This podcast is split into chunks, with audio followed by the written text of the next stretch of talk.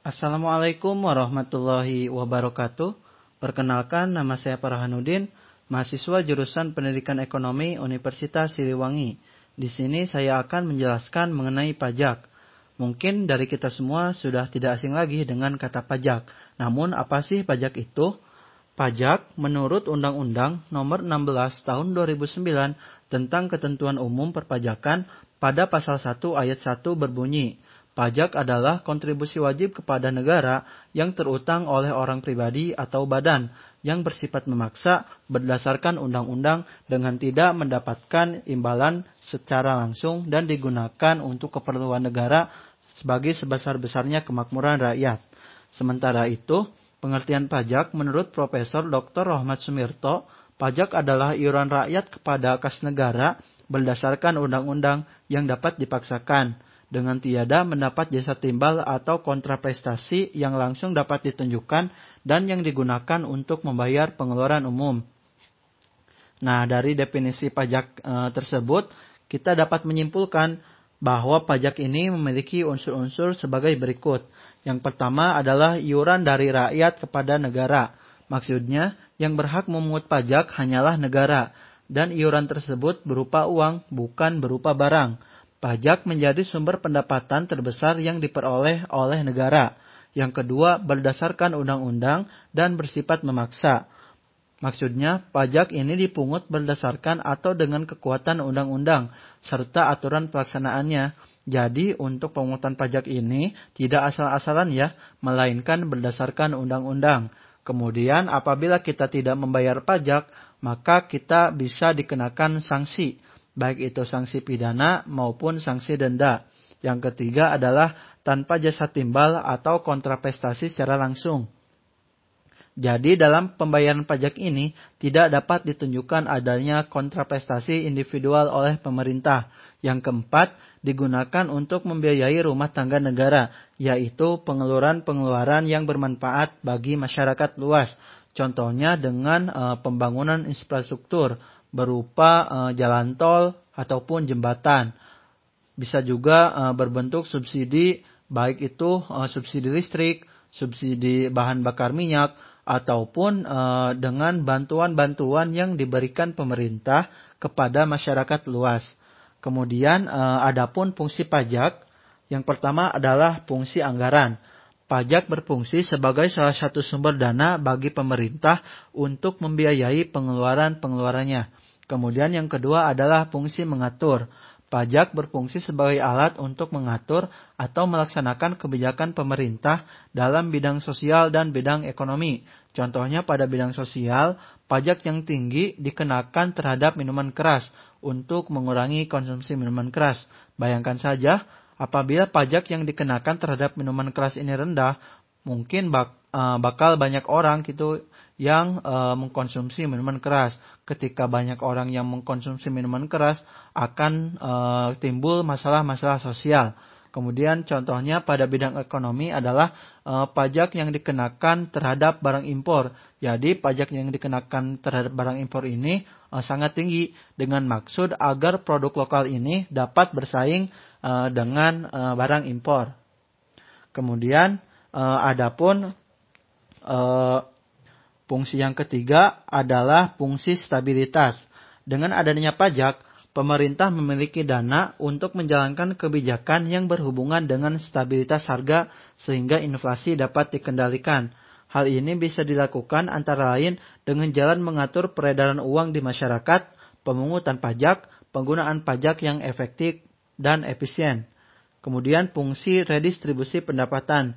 Pajak yang sudah dipungut oleh negara akan digunakan untuk membiayai semua kepentingan umum, termasuk juga untuk membiayai pembangunan sehingga dapat membuka kesempatan kerja yang pada akhirnya akan dapat meningkatkan pendapatan masyarakat. Kemudian eh, pajak ini dikelompokkan menjadi beberapa kelompok. Yang pertama adalah pengelompokan pajak menurut golongannya. Menurut golongannya, pajak ini dibagi menjadi dua, yakni pajak langsung dan pajak tidak langsung.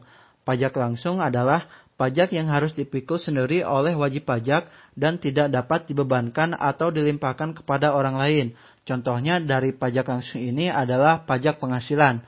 Kemudian pajak tidak langsung, yaitu pajak yang pada akhirnya dapat dibebankan atau dilimpahkan kepada orang lain. Contohnya adalah pajak pertambahan nilai. Kemudian eh, pengelompokan pajak yang kedua adalah menurut sifatnya. Menurut sifatnya, pajak ini sama e, dibagi menjadi dua. Yang pertama adalah pajak subjektif, yaitu pajak yang berpangkal atau berdasarkan pada subjeknya. Dalam arti ini adalah memperhatikan keadaan diri wajib pajak. Contohnya adalah pajak penghasilan. Yang kedua adalah pajak objektif, yaitu pajak yang berpangkal pada objeknya tanpa memperhatikan keadaan diri wajib pajak itu sendiri.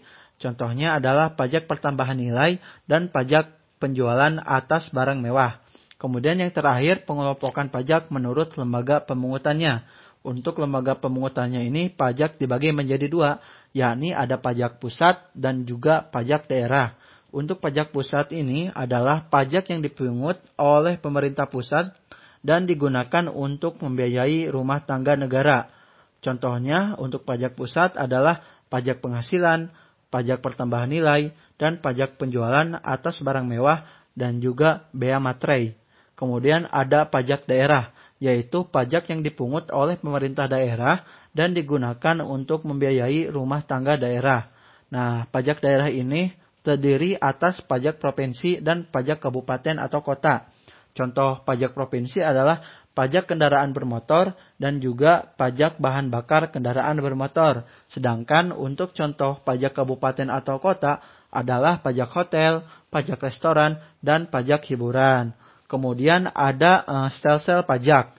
Nah, sel-sel pajak ini uh, merupakan suatu sistem pemungutan pajak yang digunakan untuk menghitung besarnya pajak yang harus dibayarkan oleh wajib pajak. Sel-sel pajak ini ada tiga. Yang pertama adalah sel-sel nyata, kedua sel-sel anggapan, dan yang ketiga adalah sel-sel campuran. Yang pertama terlebih dahulu adalah sel-sel nyata atau real sel-sel. Nah, untuk sesal nyata ini adalah pengenaan pajak didasarkan pada objek atau penghasilan yang nyata, sehingga pemungutannya baru dapat dilakukan pada akhir tahun pajak, yakni setelah penghasilan yang sesungguhnya diketahui. Sel-sel nyata ini mempunyai kelebihan dan juga kekurangan. Untuk kelebihan sel-sel ini adalah pajak yang dikenakan lebih realistis. Sementara itu kelemahannya adalah pajak baru dapat dikenakan pada akhir periode atau setelah penghasilan sesungguhnya diketahui. Kemudian ada sel-sel anggapan atau fictive stel cell. Pengenaan pajak ini didasarkan pada suatu anggapan yang diatur oleh undang-undang. Nah, sel-sel anggapan ini merupakan kebalikan dari sel-sel nyata atau real stel cell. Uh, misalnya ini dalam sel anggapan penghasilan satu tahun dianggap sama dengan tahun sebelumnya, sehingga pada awal tahun pajak sudah dapat ditetapkan besarnya pajak yang terutang untuk tahun pajak berjalan. Kelebihan sel-sel ini adalah pajak dapat dibayar selama tahun berjalan tanpa harus menunggu pada akhir tahun. Adapun itu kelemahannya adalah pajak yang dibayar tidak berdasarkan pada keadaan yang sesungguhnya. Kemudian ada sel-sel campuran. Nah, sel-sel ini merupakan kombinasi antara sel-sel nyata dan sel-sel anggapan. Pada awal tahun, besarnya pajak dihitung berdasarkan suatu anggapan. Kemudian pada akhir tahun, besarnya pajak disesuaikan dengan keadaan yang sebenarnya. Bila besarnya pajak menurut kenyataan lebih besar daripada pajak menurut anggapan, maka wajib pajak harus menambah atas kekurangan pajaknya. Sebaliknya, jika lebih kecil, maka kelebihannya ini dapat diminta kembali oleh wajib pajak.